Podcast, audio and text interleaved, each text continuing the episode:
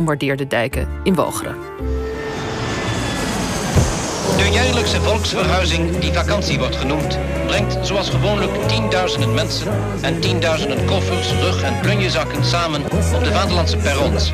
Talloos zijn degenen die hun comfortabele plekje voor een dag of wat verwisselen voor een caravan of een tent zonder stromend water. De vakantieman met historische vakantietips. Ja, en zoals elk jaar vragen we ook deze zomer weer elke zondag iemand om een historisch verantwoorde reistip in de vakantieman. En ditmaal vragen we onze gasten natuurlijk vooral om ons even denkbeeldig mee op reis te nemen en om ons eh, deelgenoot te maken van hun historische vakantiesouvenirs. En deze week is onze vakantieman religiewetenschapper Ernst van den Hemel, schrijver van het boek Passie voor de Passie. Ernst, welkom. Waar neem je ons mee naartoe? Naar het Creation Museum in de prachtige Amerikaanse staat Kentucky. En dat is een plek die het midden houdt tussen een fundamentalistisch pretpark en een natuurhistorisch museum, dat ook nog eens zeer politiek geëngageerd is. Oké, en hoe ben jij daar zelf terecht gekomen? Was dat een werkbezoek als religiewetenschapper? Of, uh... Ja, ik moet vrij veel reizen voor mijn werk. Dus ik vind het dan leuk om als ik ergens naartoe vlieg voor een conferentie of zo, vloog. Uh, om er dan een, uh, een beetje een bizar uitstapje aan vast te plakken. Dus ik kom dan op een beetje gekke plekken. En dat vind ik ook leuk om dat soort dingen uit te zoeken. En zo ben ik hier terecht gekomen. tien jaar geleden alweer. En het is eigenlijk heel de tijd in mijn hoofd blijven spoken van... goh, wat een bijzondere plek. Eigenlijk zou ik er nog eens wat meer mee willen doen. Ja, want nou ja, beschrijf het eens. Oké, het heet dus het Creation Museum. En het is een museum. Uh, die term uh, kan blijkelijk vrij rekkelijk opgevat worden. Het is een beetje, namelijk je komt binnen en je ziet een groot dinosaurus-skelet bij, bij binnenkomst. En dan wordt je verteld, als je hier naar binnen gaat... ervaar je de letterlijke betekenis van de Bijbel. En dat betekent uh, dat je daar de letterlijke waarheid van de schepping van de aarde, van de geschiedenis van de mens, de zondige aard van de mens en zo voorgeschoteld krijgt. En dat betekent dus ook dat men er nogal veel moeite in steekt om ons ervan te overtuigen dat dinosaurussen tegelijkertijd met de mens rondgelopen hebben bij het scheppen van de aarde 6000 jaar geleden. Ja, dat moet natuurlijk. Ik bedoel, ik zou zelf zeggen, goh, als je de meeste christenen die, die geloven in de Bijbel.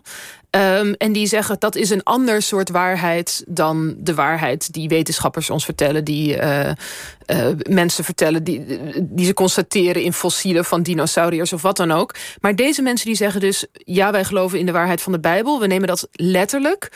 Maar we geloven ook in een soort wetenschappelijke waarheid. Sterker nog, die, die versterken elkaar of zo. Of die, die, die zijn met elkaar te verenigen. Ja, en dat maakt dit pretpark, museum, maakt het uh, zo fascinerend. Omdat je een inkijkje krijgt in de Amerikaans fundamentalistische, uh, fundamentalistische protestanten. Want daar gaat het over.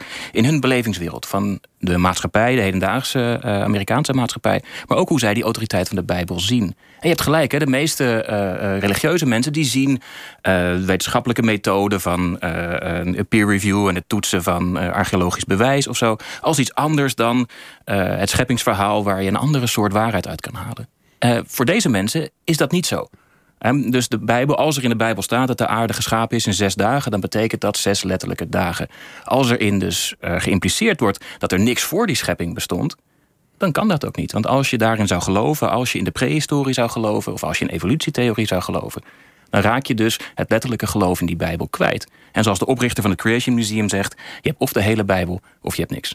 En nog heel even, jij noemt ze fundamentalisten. Is dat jouw uh, kwalificering als religiewetenschapper? Of zien ja. zij zichzelf ook zo? Nee, het is wel heel goed om dat er even over te hebben. Hoor, want het is een beetje een scheldwoord geworden hè, in, in uh, uh, de volksmond. Maar fundamentalisme is in oorsprong een protestantse geloofstroming... die opkomt in het begin van de 20e eeuw als reactie op bijvoorbeeld de opkomst van evolutietheorie... voortgaande ontwikkelingen in archeologie. Allemaal zaken, wetenschappelijke ontwikkelingen... die het uh, christelijke wereldbeeld van deze mensen deed wankelen. Nou, de fundamentalistische reflex, die mensen noemden zichzelf ook zo trots... Uh, is dan om terug te vallen op de enige ware waarheid voor deze mensen. En dat is de Bijbel. Dus de fundamentalisme begint in de, in de vroege 20e eeuw als reactie op wetenschap.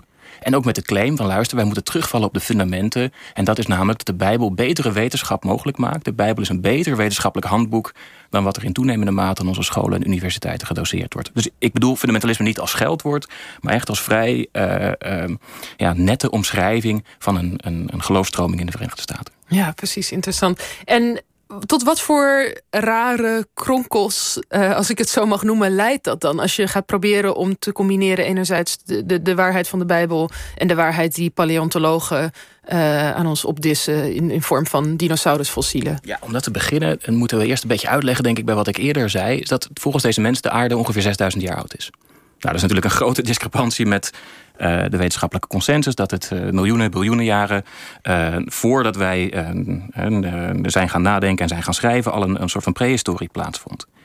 Dat baseren ze op een lezing van de Bijbel. Als je in Genesis kijkt naar wat er gebeurt, dan kan je zeggen: van, nou, God schiep, schiep de aarde, daar heeft hij een aantal dagen over gedaan. de mens werd geschapen. en vervolgens kan je het op basis van een aantal hoofdstukken in Genesis berekenen hoe lang het duurde om van Adam naar Abraham te komen. En we weten dat Abraham ongeveer 2000 jaar voor Christus leefde. Nou, als je al die jaren bij elkaar optelt, volgens de Bijbel, dan kom je terug op een moment dat de aarde niet ouder kan zijn dan 6000 jaar geleden ongeveer. Nou, uh, dat levert dus gelijk een aantal problemen op. Want wat doe je dan met fossielen? Wat doe je met dinosaurussen? Wat doe je met bewijzen voor prehistorische fenomenen? Dus daarom is ook een van de redenen dat als je binnenkomt, dat gelijk al onder je aandacht gebracht wordt. Er hangt een gigantisch uh, fossiel, een skelet van een dinosaurus het logo, een icoontje is de dinosaurus. En zij zeggen, ja, dit is de grote test voor ons wereldbeeld... om te kunnen bewijzen, om je ervan te overtuigen... dat de dinosaurussen niet ouder zijn dan 6000 jaar. Hmm. En wat ze dan doen bijvoorbeeld, is dat je... Uh, uh, daarom heb ik het ook al een pretpark genoemd... ze hebben een aantal ja, diorama's... waarin van die animatronic dinosaurussen. Iedereen die wel eens bij de Efteling geweest is... kan zich iets bij voorstellen. In de Vater Morgana heb je ook zo'n krokodil... met zo'n robotbek die dan open en dicht gaat. Daar staan er dinosaurussen. En dan naast levensechte poppen van Adam en Eva... of van uh, dus hier wordt dan je, eh, de ervaring voorgeschoten van... oh ja, de mensen, de eerste mensen leefden samen met dinosaurussen.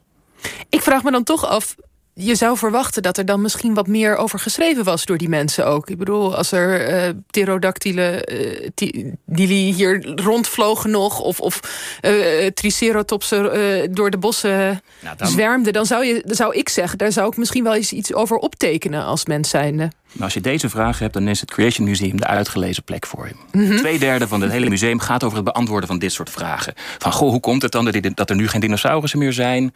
Uh, waarom staat het niet in geschreven over dat uh, Adam en Eva een Tyrannosaurus rex voerden in, het, uh, in de eerste, de vroege wereld? En wat zij een antwoord geven is tweeledig. Eén is, er wordt wel degelijk over geschreven. Je hebt beesten in de Bijbel. Het woord dinosaurussen, zeggen ze ook. Het woord dinosaurus is wat uitgevonden halverwege de 19e eeuw. Dus dat woord hadden ze nog niet. Wat je wel had, was grote beesten, uh, behemoth, leviathan. Beesten die in de Bijbel genoemd worden als enge beesten... die omschreven worden als gigantisch indrukwekkende uh, beesten... die in die vroege wereld rondstapten. Dus zij zeggen, er wordt wel degelijk over geschreven. Alleen moet je leren lezen. Moet je eens gewoon bekijken dat die Leviathan misschien wel een dinosaurus is. Of wat er in het boek van openbaringen staat. Dat daar beesten in beschreven staan. Die misschien wel als dinosaurussen genoemd kunnen worden. En een van de dingen die ik ook wel fascinerend vond... is dat er vrij veel aandacht aan besteed wordt. Zij beweren dus dat de dinosaurussen veel later uitgestorven zijn... dan in de prehistorie. Oké. Dat gaat door tot aan de 16e eeuw. Waarin zij zeggen van luister, uh, we hebben verhalen van draken. Misschien zijn dat wel ervaringen, reële ervaringen van mensen in de middeleeuwen tot aan de vroegmoderne tijd, die de gehele dinosaurussen, de laatste restjes van de dinosaurussen gezien hebben en daar het woord draak aan gegeven. En ze zijn dus heel langzaam uitgestorven, dus er was dan af en toe verscheen er nog ergens een draak. En dat, dat zijn de dinosauriërs. Misschien nog wel steeds. Ja, kijk, geweldig. Maar, maar het heeft dus niet... Het, dat ik zat al te denken van misschien zijn ze op de Ark van Noach overboord geslagen... of dat soort zaken, maar dat, dat is niet wat zij uh, Nee, kijk, en, en, en, dit museum doet echt vrij veel hun best... om dit te, nou ja, eh, te staven met literatuur en met argumenten... en met een website uh, waar je naar kan kijken. En voor de mensen die thuis nu denken van ik wil hier ook naartoe... maar die niet kunnen vliegen naar de Verenigde Staten... je kan als je op YouTube intikt Virtual Tour Through the Creation Museum... dan neemt de oprichter je mee door een, een, een rondleiding... door dat gehele museum. Dan worden al deze vragen uh, uitgebreid beantwoord in 24 minuten. Okay. Um, maar wat je, daar dus in, wat je daar dus in ziet, is dat er een vrij grote nadruk ligt op het overtuigen van mensen. Middels wetenschappelijke. Eh, mensen kunnen niet zien dat ik mijn uh, aantekeningen, aanhalingstekens in de lucht maak. Wetenschappelijke argumenten, maar ook met, uh, door op de ervaring in te spelen. Door dus mensen bang te maken, door uh, dinosaurus te laten bewegen en daar levensechte poppen naast te zetten. Krijg je een soort van totaalplaatje van zo moet de waarheid van de Bijbel gevoeld hebben. Ja, maar ik vind het wel heel spannend wat je zegt dat zij dus eigenlijk denken die dinosauriërs en die fossielen die daarvan zijn gevonden, dat is een test van God. Dus misschien een, een, een beetje naïeve wetenschapper, een paleontoloog, die kijkt daarnaar en die denkt, nou, dat is eh, van een beest dat miljoenen jaren geleden geleefd heeft. Maar zij zegt van nee, dat is inderdaad wat God dan wil, dat je daar in eerste instantie tegenaan loopt. Maar als je echt goed nadenkt, dan kom je erachter dat er iets anders achter zit. Dus... Ja, ja, dus zo zien zij dat ook. Ja. Zij voeren daar ook een debat op. Als je daar binnen loopt, dan zie je een van de eerste dingen, dan zie je twee mensen in witte jassen een opgraving doen. De een is een evolutionaire uh, gelovige, die gelooft in de evolutietheorie... en de ander is een bijbelvaste christen. En die bijbelvaste christen zegt ook... al jouw redenaties zijn gebaseerd op onzekerheid, op menselijke hoogmoed... terwijl als je nou gewoon je ogen opent en ziet dat de bijbel de enige ware uh, verhaal heeft... dan zul je zien dat het niet alleen een ja, betere uh, versie van de waarheid is. Maar het klopt ook eens nog eens uh, mm. allemaal rationeel. Nou, wat je daar dus ziet is dat de wetenschap, de paleontologie... gezien wordt als het is misschien wel verleidelijk om te denken... dat die, dat die beesten een prehistorie bestaan hebben. Maar als je je eigen vooroordelen, je eigen blinde geloof... in de seculiere wetenschap loslaat, dan zul je de waarheid ervaren. Dit soort retoriek en dit soort uh, claims voor objectiviteit, gek genoeg... zijn ze heel goed in in dat, in dat museum. Dus de paleontologie is een soort zondige verleiding? Juist, ja. Valse wetenschap, okay valse religie. Dus die, uh, nou ja, uh, eigenlijk zijn ze het woord wetenschapper niet waard. Omdat ze in de blinde hoogmoed van de mens geloven. Wauw. En wie komt er nou in zo'n museum? Ja, dat maakt, het, dat maakt het nog... Ik liep daar rond, hè. En wat je daar ziet, is het... Ik kan het niet anders omschrijven. Het staat ook in mijn aantekening... als een schooluitje voor homeschooled kinderen. Um, in de Verenigde Staten heb je anders dan in Nederland... waar je het, inmiddels een bijzonder onderwijs... heb je uh, katholiek onderwijs, protestant onderwijs... kan je je eigen scholen oprichten... waarin je levensbeschouwing tot uiting komt. In Amerika hebben ze de optie dat als je je niet kan vinden in wat er in het, uh, in het onderwijs gegeven wordt, dat je dan je kinderen van school kan halen en thuis zelf onderwijs kan geven. Dus heel veel van die uh, fundamentalistische gezinnen... die halen hun kinderen van scholen en geven ze thuis onderwijs... waarin bijvoorbeeld evolutieleer afgewezen wordt... in de Young Earth Creationism, want daar hebben we het over... het geloof in de jonge aarde thuis door uh, ouders en door uh, um, een soort van sociale kring onderwezen wordt. En dit, net zoals het Scheepvaartmuseum of Naturalis of andere musea in Nederland, schooluitjes zijn voor Nederlandse schoolgaande kinderen, is dit in Kentucky een soort van uitje voor Amerikaanse homeschooled kinderen, waar je wel een soort van pretparkervaring kan hebben en tegelijkertijd recht in de leer informatie krijgt. Ja, ik vind dat ook wel slim natuurlijk. Want ik bedoel, als kinderen ergens dol op zijn, dan zijn het dinosauriërs. Dus dat, het is heel slim om een museum ook te maken... wat enerzijds inspeelt op die fascinatie... maar tegelijkertijd met een hele andere verklaring Ja, de oprichter van het museum die zegt ook... we gaan de dinosaurussen terugpakken op de evolutiedenkers. Ja, ach, geweldig. hey, en nou ben je ook wel eens eerder bij ons te gast geweest... Uh, over je boek Passie voor de Passie. En daarin wijde je ook een uh, hoofdstuk aan The Passion. Dat is natuurlijk de, de, de, de, ja, de soort rally musical van de EO. Ehm, ik, ik zie wel iets van een connectie. Het is allebei een soort vorm van religieus entertainment, edutainment zou je kunnen zeggen. Wat, wat trekt jou daar zo in? Precies die mengeling van, van werelden, zeg maar. Um, er wordt in de religiewetenschap en misschien ook wel in het publieke domein... Uh, religie als apart van andere categorieën bestudeerd. Als iets wat eigenlijk anders is dan bijvoorbeeld de Nederlandse moderne seculiere maatschappij. Terwijl wat je ziet is dat er allerlei mengvormen aangaan, ook na ontkerkelijking, waarbij religie terugkeert en, en mengelingen aangaat met entertainmentcultuur, met museale cultuur. En ook dat mensen bereid zijn ook als ze niet per se zelf gelovig zijn, in het geval, in het geval van de Passion, om middels uh, populaire cultuur, religie, tot zich te nemen en te doordenken en op nieuwe manieren toe te eigenen. Daar zit natuurlijk een wereld van verschil tussen wat er gebeurt in het Creation Museum, waar dat echt een heel radicale kant op heeft. Maar wat je wel ziet is dat onze 21e eeuwse wereld, of het nu in Amerika of in, de, in Nederland is, ook het verlangen creëert naar religieuze verhalen en die op mediagenieke manier vormgegeven worden.